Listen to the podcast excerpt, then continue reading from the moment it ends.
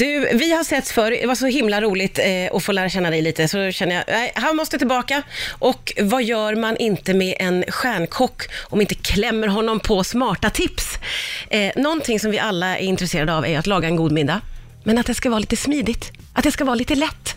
Ja, men det tror jag är jätteviktigt också. Ja, Måste ju vara det, ibland smidigt. Man säger så här att vi lagar ju mat, vi kockar och att det ska vara så avancerat. Men eh, jag lagar precis tvärtom hemma. Det är nästan så enkelt det bara går. ja och, och det där vill man och det här är också med, med folks vanliga liv och jobb och dagis och allt som sker.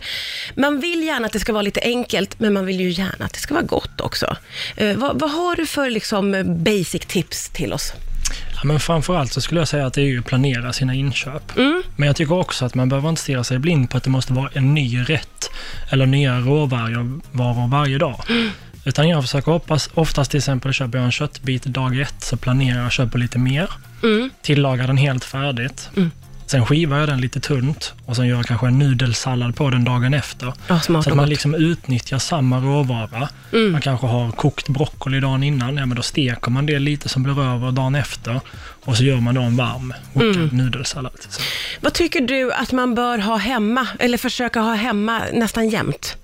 Ja, men jag tycker framförallt en bra eh, rödvinssås eller en skysås är Ja. viktigt att ha i frysen. Okej. Så man kan ha liksom be någon eller köpa på ett bra ställe som gör en som man fryser in. Mm. Den kan vara grunden i allt från eh, grytor till eh, köttbullar med brunsås. Mm. Och den sätter också så ganska mycket smak på, på mat. Enkelt att addera till exempel som jag sa nudelsallad, släng i den där, brunsåsen.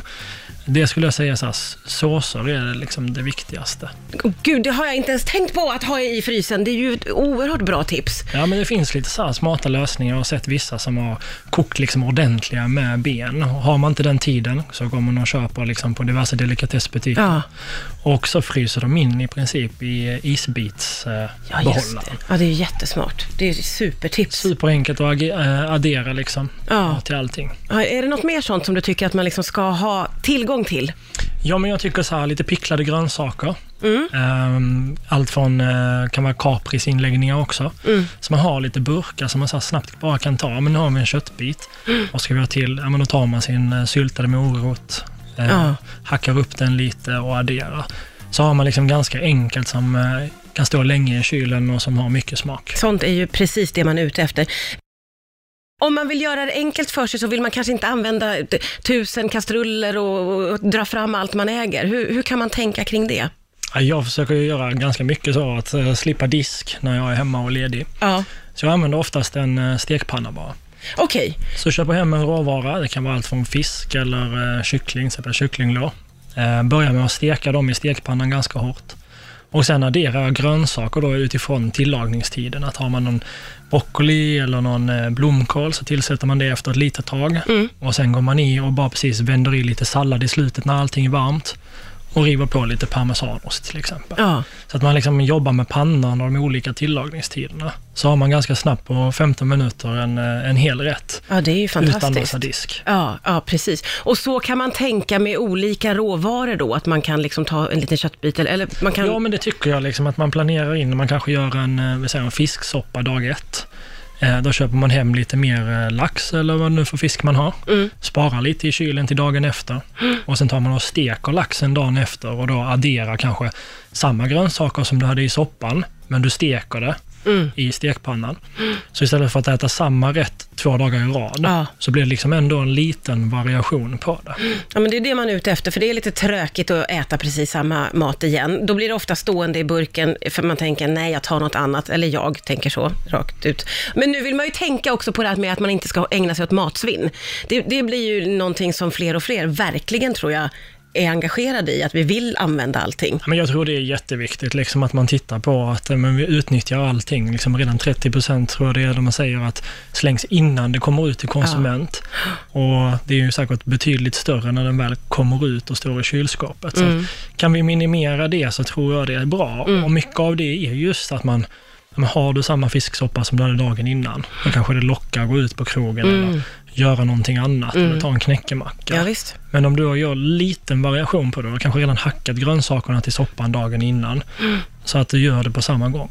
Så blir det en enkel tillagningsmetod då, med bara i en stekpanna eller i en gryta eller vad det nu må vara. Vad är din favoriträtt, om du är helt ärlig, som du lagar snabbt till dig själv när du kommer hem och liksom inte orkar göra så mycket? Nej, men jag brukar köpt, jag har till exempel köpt en liten eh, så här, eh, kinesisk eh, eh, korg Jaha. i trä, så man kan ånga grönsaker. Så brukar jag lägga, man gör dim sum, ja. knyten i. Så då har jag liksom ett lager med fisk, brukar bara tärna upp. Ja. Och sen kör jag lite grönsaker, brukar oftast vara broccoli och lite pak choi som är en, en kålsort från eh, Kina. Och sen bara addera lite koriander och eh, chili på det. Jag håller typ på att svimma. Jag tar verkligen bara en knäckemacka och eh, så kan man göra såna här goda grejer. Singapore. Eh, och det här har man ju förstått med kockar, att ni vill gärna, ni vill bli inspirerade såklart. Eh, och då är det resa utomlands som gäller. Va, vad fick du med dig därifrån? Nej, men ganska mycket. Alltså det är ju, att resa är ju en del av eh, vår utbildning kan man säga. Ja, Eh, jag vill lära mig lite mer om asiatiskt, men också se andra matkulturer. Eh, det är ju svårt, det finns ju inga utbildningar jag kan gå och säga nu vill jag lära mig det här. Utan Nej. det är ju sättet att komma iväg. Eh, så det gäller att ta lite små grejer. Man ser liksom, ja men de wokar i princip allting, allting i stekpanna. Mm. Men då kan man ju ta med sig lite av deras smaker hem också och hitta liksom sin twist på det. Mm. Så när du har varit på en sån resa så har du liksom, då, då kan man ana i din matlagning vart du har varit, eller är det inte på den nivån kanske? Ja, men det kan det vara. Vissa, vissa detaljer absolut, men också mycket man tittar på. Det kanske är en tillagningsmetod som de har, eh, som vi kan applicera på eh, den smaksättningen vi har i Norden. Men också som sagt att det tar deras grejer och förfina och kanske göra ännu bättre. Liksom. Mm. Eh, vi snackade ju lite här under låten du och jag och då sa du du älskar att resa. Eh, och det, när, du reser, när du planerar en semesterresa så kan det lika gärna vara en jobbresa för allting går ihop för dig på något sätt. Eh, Det här med att eh, ja, leva i, i matlagning och, och smaker och allting. Eh, men hur väljer du dina resor då? Nej, men det är ju en ganska intensiv research man har gjort. Liksom man är spännande på om då vi ser någon eh, speciell maträtt eller någon speciell restaurang, så utgår man från den. Mm. Eh, och sen väver man ju då in liksom lite olika möten och träffar lite vänner som man har fått runt om i världen. Det är ju det som man är lite privilegierad av genom kockyrket och tävlingarna. Mm. Eh, och sen såklart så blir det ju lite fritid på det också. Liksom. Mm. Det kommer man ju inte ifrån. Men då tänker jag eh, fördomsfullt att du reser till Asien och Sydamerika och sånt, inte så mycket till Åland. Det är faktiskt lite överallt. Alltså det är allt USA, eh, Asien, eh, Finland har jag varit i. Åland Asså, ja, det tänkte jag ta som exempel som tråkigt matland, men det Ja, kanske men är fel. faktiskt inte. Det finns ju lite bra, finns väldigt bra restauranger där. Ah, okej. Köpenhamn och det kan ju vara småstäder runt om i Sverige också, så att man kan ju hitta och lära sig överallt. Liksom. Ja, ja.